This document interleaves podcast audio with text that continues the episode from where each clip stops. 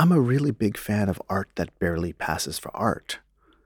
And some of the work that really gets me excited is work that I just cannot understand. As an artist, we have, I mean, just this incredible breadth of areas of direction with our work, you know, with our content, with the way we work. And yet, with so many of us, we keep going back to the exact same thing over and over and over and over. And particularly as an artist that works at a university, at as an artist that is involved in the training of future artists, sometimes it's a little frustrating with the canon. And sometimes the canon is there just because, just because that's the history. So, any way that we can disrupt that, any way we can change that, I'm hoping that I'm contributing to that. To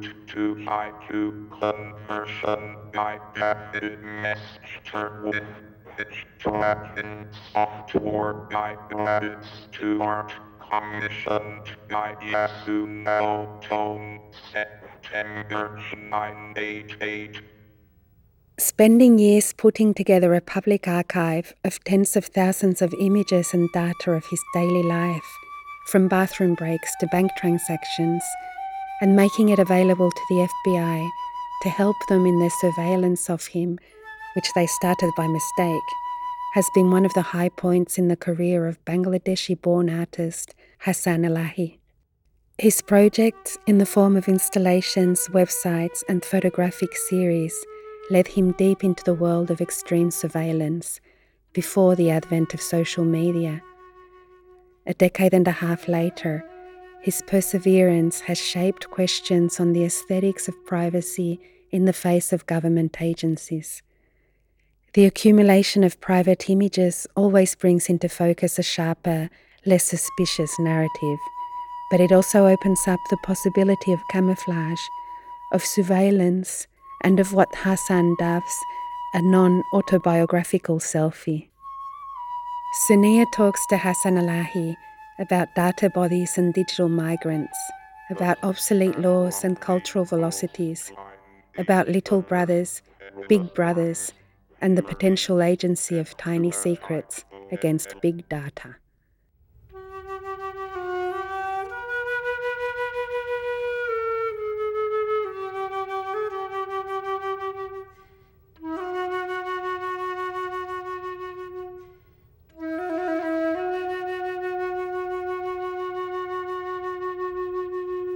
The minute that anytime we walk into any place, there's at least twice as many cameras than people, considering that every single one of us carries at least two cameras with us one on the front of our phone, one on the back of our phone.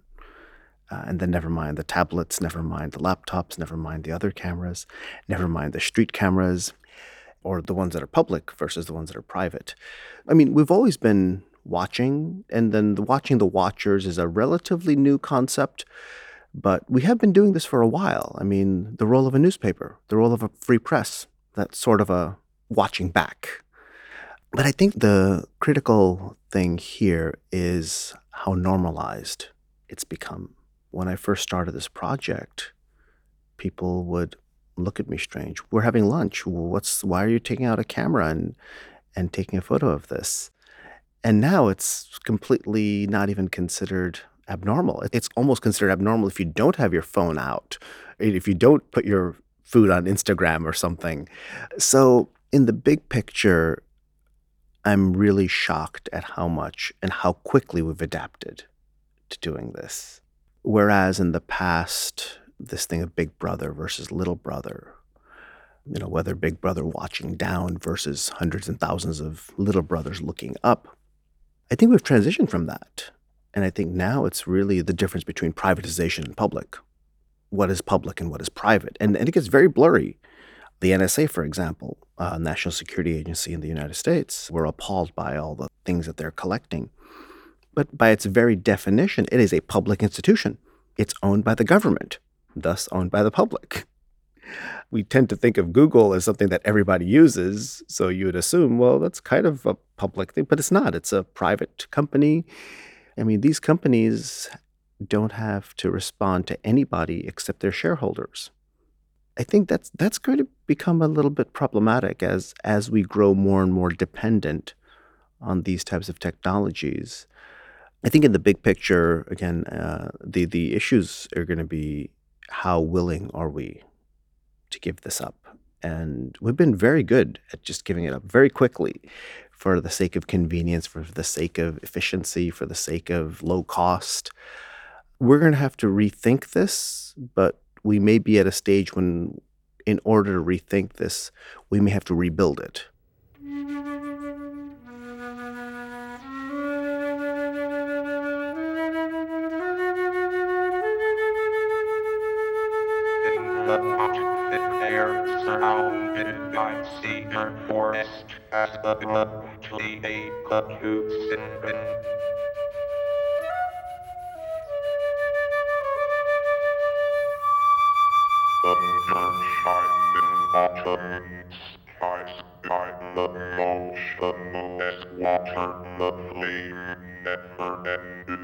So, the strategy of the opposite is something that's very common in, in a lot of my practice. I equate it to Magellan about circumnavigation, going all the way around in one side to get to the other. And I think we see this conceptually in a lot of cases. Uh, many politicians are so far right that they're actually far left, and vice versa. Even when I started this project, uh, when I started my tracking project with um, reporting everything to the FBI, it's not a normal uh, reaction for somebody to be accused of being a terrorist. Their first reaction is not, How can I help you? What can I do for you?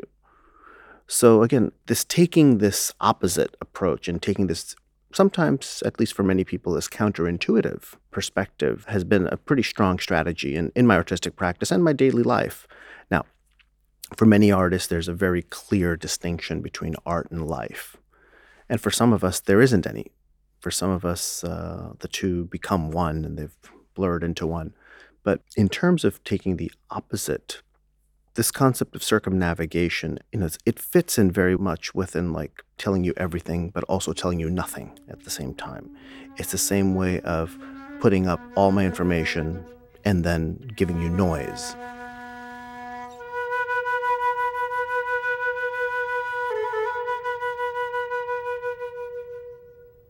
Fifteen years ago, when this project started, the technology was very different. And I thought, you know, I would love to do a live feed and just have this camera open all the time.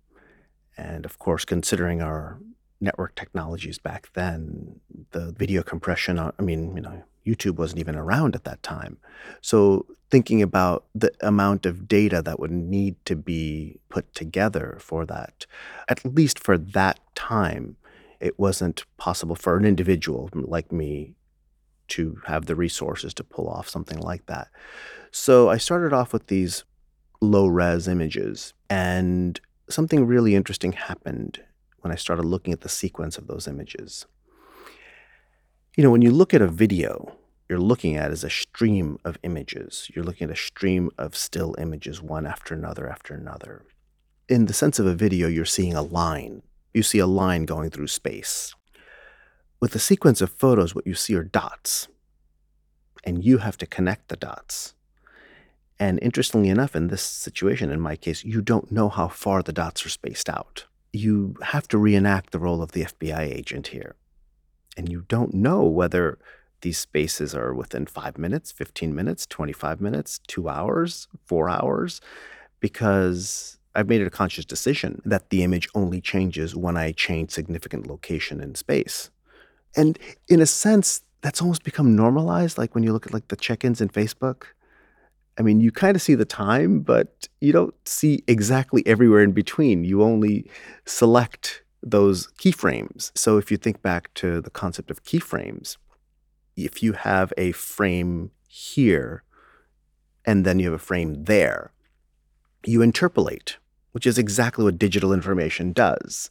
You interpolate the data. But that's also exactly what the FBI does. And that's exactly what intelligence agencies do. Intelligence agencies don't get their information in nice, neat packages. They're messy, they're seemingly unrelated.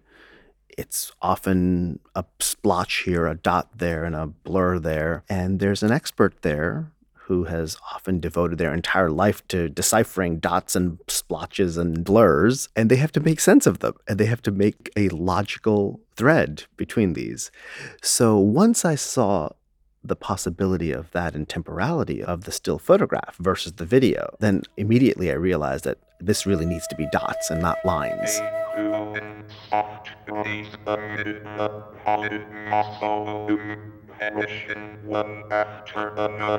So in terms of looking at movement, you know, there's there's a long history of this type of work of mapping one's body through a city. I think Vito Acconci comes to mind very quickly and wow, he was doing this like 50 years ago.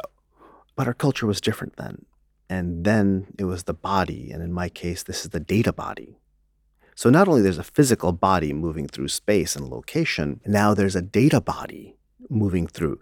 And I think this parallel, this parallel doppelganger of the physical body and the data body, as our society becomes more and more digitally dependent, this data body becomes that much more important because it's really our data bodies that interact with each other. It's really our data bodies that get archived in massive systems not to go off on a tangent, but uh, a really good example is uh, how many phone numbers do you know off the top of your head?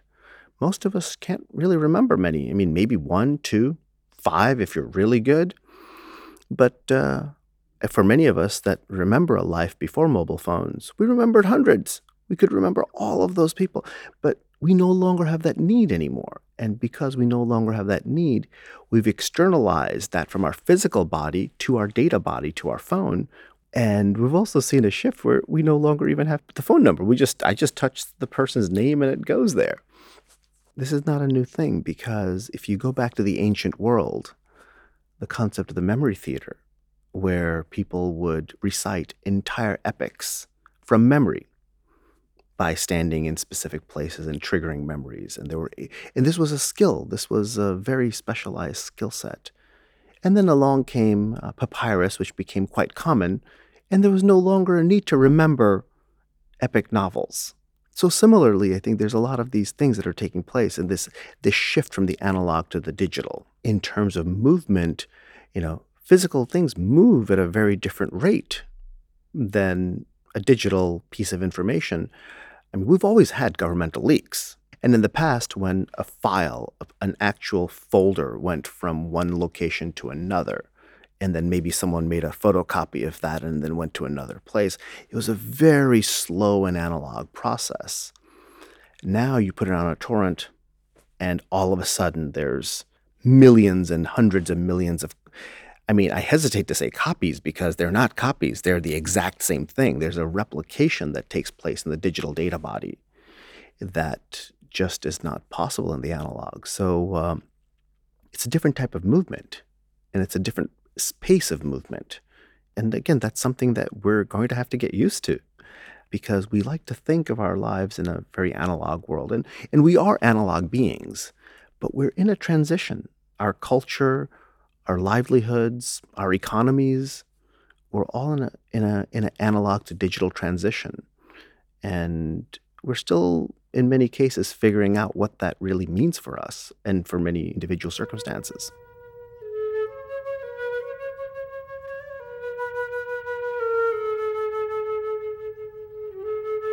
In terms of setting up parameters and guidelines, if you want to say, about what I share and what I put out, what of my data body is public and what of my data body is private. Instead of photographing directly in front, I'll turn the camera away. It's still the exact same spot. My feet have not changed. It's just that the focus of vision has shifted. And that allows a control. So it's not about removal of the surveillance camera, it's about pointing it away. So there's there's some very specific things that I do.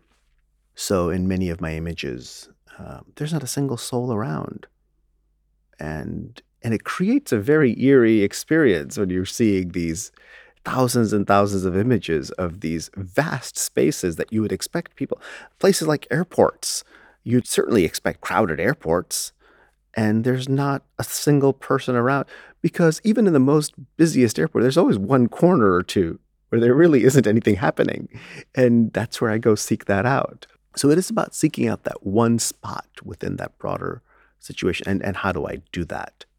Secondly, I'm okay opening up every aspect of my life, but you may not be. Therefore, you're not the focus of this image. You're not the center focus. So, one of the things that we're all doing right now is the explosion of selfies and the explosion of self surveillance. I mean, I don't think people taking hundreds of selfies a day would call it self surveillance, but that's exactly what's happening. Every time you follow a major art movement, it is linked to a major war of some sort. The war on terror is a war we are in the middle of. We're fighting this war. And when we take that selfie, we're not actually making a political statement. But when you hold that camera up at that angle, if you follow that trajectory of where you would hold that angle, that's where the surveillance camera would go on the wall. And it's that angle we've internalized. Now, it also makes us look better when you take the shot from above, but we've kind of gotten used to being watched from above. Think about it. We've had small cameras all along. But did we ever do that pose?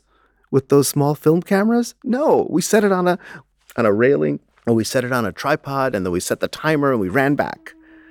We we never held it up. So it's that feedback loop of watching and being watched. The light of summer sand is on the artistic plane, feel in the air too.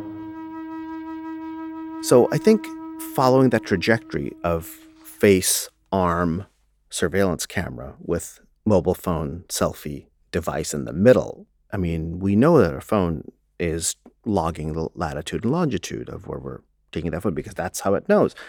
Do you want to post from MACBA? That's that's how Facebook or Instagram knows that you've shot that photo there because it's triangulated to this specific spot in, in geographic space. When you look through the metadata, you'll also see some really interesting things like altitude. It'll tell you how many meters the camera was off sea level because there's a barometric uh, sensor in your phone. That image that's taken on the street level looks very different than that image taken on the 30th floor of a building. And you could see it because your altitude reference is different. Then there's a data that says image direction. With image direction, it tells you what direction the camera was pointed at. Now, your phone already has a compass built into it. That's how your GPS system knows in 300 meters, turn right.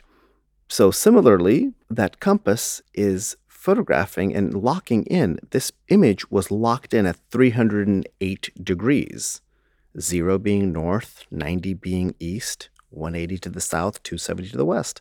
So, 30 whatever would mean roughly northwest.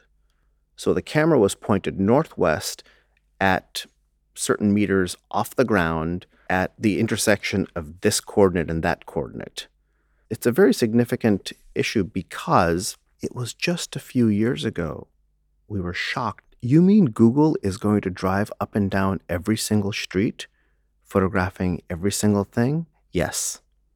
And not only they do it, they do it repeatedly year after year after year. So, thanks to Google, we have every external space archived. And thanks to us, every internal space will also be photographed and documented. And all we need is the raw data, and we can stitch together all of these selfies and numerically recreate every internal space.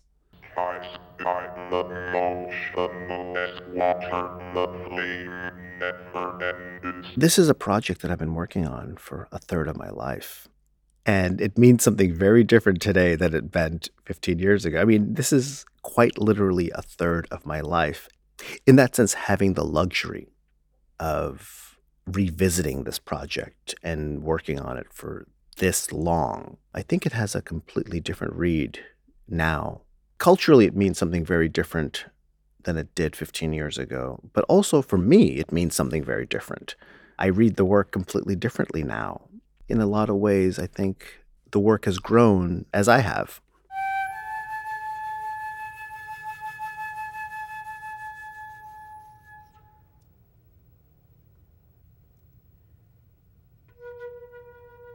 Fifteen years ago, the word selfie didn't even exist. The word app didn't even exist. But it kind of is an app that takes selfies. I mean, that for all practical purposes, that's what my project does. Eh, actually, no, for all practical purposes, my project today is completely obsolete technologically and culturally. because first everybody's doing it and second your phone and there's so many apps that do this way more sophisticated than than my clunky code could ever do but there's a couple of things that's happening unlike the traditional selfie all traditions of like the last 8 years okay maybe 12 instead of the camera facing inward i've decided to point the camera outward they're still selfies in a sense but they're more of a societal selfie it's looking outward rather than inward From morning sunlight gems of my metal walls sitting in the region glass. as crazy as it might sound, I don't think this is an autobiographical project. Even though there is so much autobiographical information and there's so much autobiographical uh, content, uh, I've just decided to just take myself out of it. And by going outward rather than inward, it allows the viewer to insert themselves into that location, into that space. When we say surveillance camera image, we generally tend to think of gritty, grainy, pixely, low res, often black and white. When you look at the quality of your photos that you take with your cell phone, even a cheap, you know, 40 buck camera that has a tiny, tiny, tiny sensor that's maybe two millimeters square at most, the picture quality is pretty good. So if your $40 camera with that two millimeter square sensor can take an image that clear. Why is it that these systems cost millions and millions and only give us grainy black and white pixely images? We could say, well, you know, data storage is an issue. You know, they're they're high res images. Well, no. I mean, you could buy a terabyte drive for almost nothing now. Storage is not the problem. Storage is cheap. But what it comes down to, I think, is culture when you hyper aestheticize a surveillance image, your brain rejects it as surveillance. It's too authentic. The authenticity of the image is problematic because it doesn't look like a surveillance camera image. It looks like a photograph or it looks like landscape. And, you know, when you look at the history of landscape photography, it's very closely tied to the history of landscape painting. And in the American perspective, landscape paintings and landscape photography, they were the exploratory Western expansion. So we sent these artists out to survey and measure the expanding west of the country, which is very closely tied to expansion of military and political power. Often, many of those gorgeous Western American paintings that we identify as these iconic artworks, often many of them were painted before that became US territory. And we depicted them not because of their grandeur, not because of their majestic beauty, we depicted them because there was iron and nickel and copper in that mountain, and we wanted that as our natural resources. So it was really about conquest, it was expansion of territory. And by depicting it and sending that image back east, that gave the political power to go out west and the political motivation to conquer that land in the name of the expanding country. It's no longer a, a matter of information gathering. We have all the information that we need or we can find. And if we can't find it, we can gather it pretty quickly. It's who has that data. It's concerning because at a certain point, the strategy that I'm using of hiding in plain sight or camouflage or or this idea of flooding them with information, at a certain point, there is a limitation to that. So, what does that mean? if every bit of information about us is available, whether to everyone or whether to a specific organization, that means you can't go off grid, which means that we really can't use the values of yesterday. Maybe the counterpoint to big data is little secret or no secret. It's a shift in culture that we've seen. It's the shift of we're still analog beings and we're shifting to living in a digital society. We're in that transition and it's a messy transition. We don't know how to handle this because we keep reverting back to what we know, which often, in many cases, is based on the analog, but a lot of that doesn't apply. And we tend to make decisions almost in a panic state.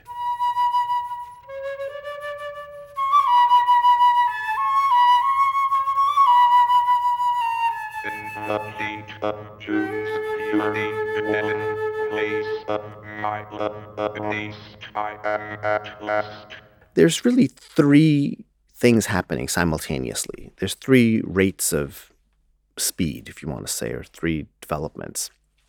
We have the technological developments, which is going incredibly fast.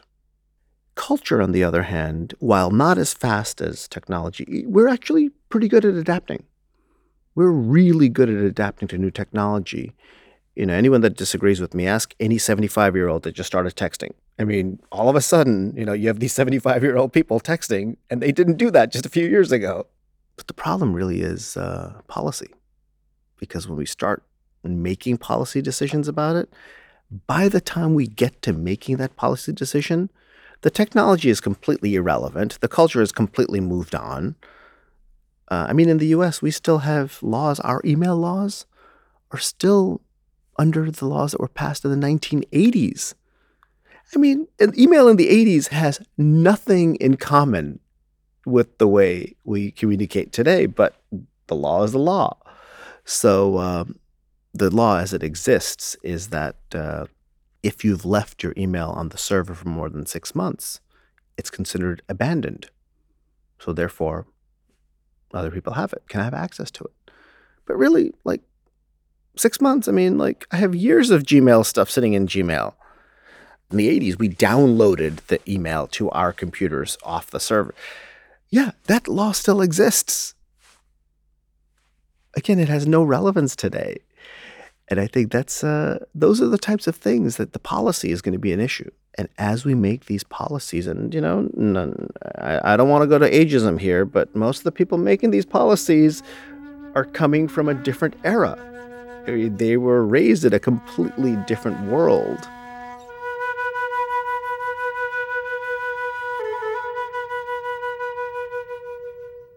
This is really interesting because there's absolutely no reason for me to continue this project anymore because my phone is already doing it.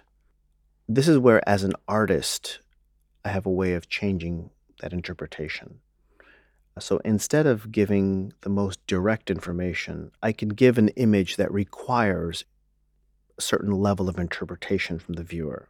This is why it actually is transitioned into art rather than a piece of software.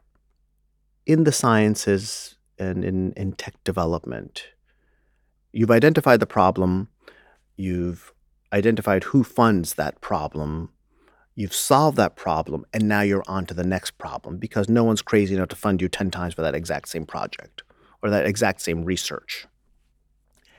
In the arts, you identify the problem, you solve the problem, and then you solve it again in another way. And then you solve it again in the other way, and then you solve it again in another way. And then you look at it from every possible perspective.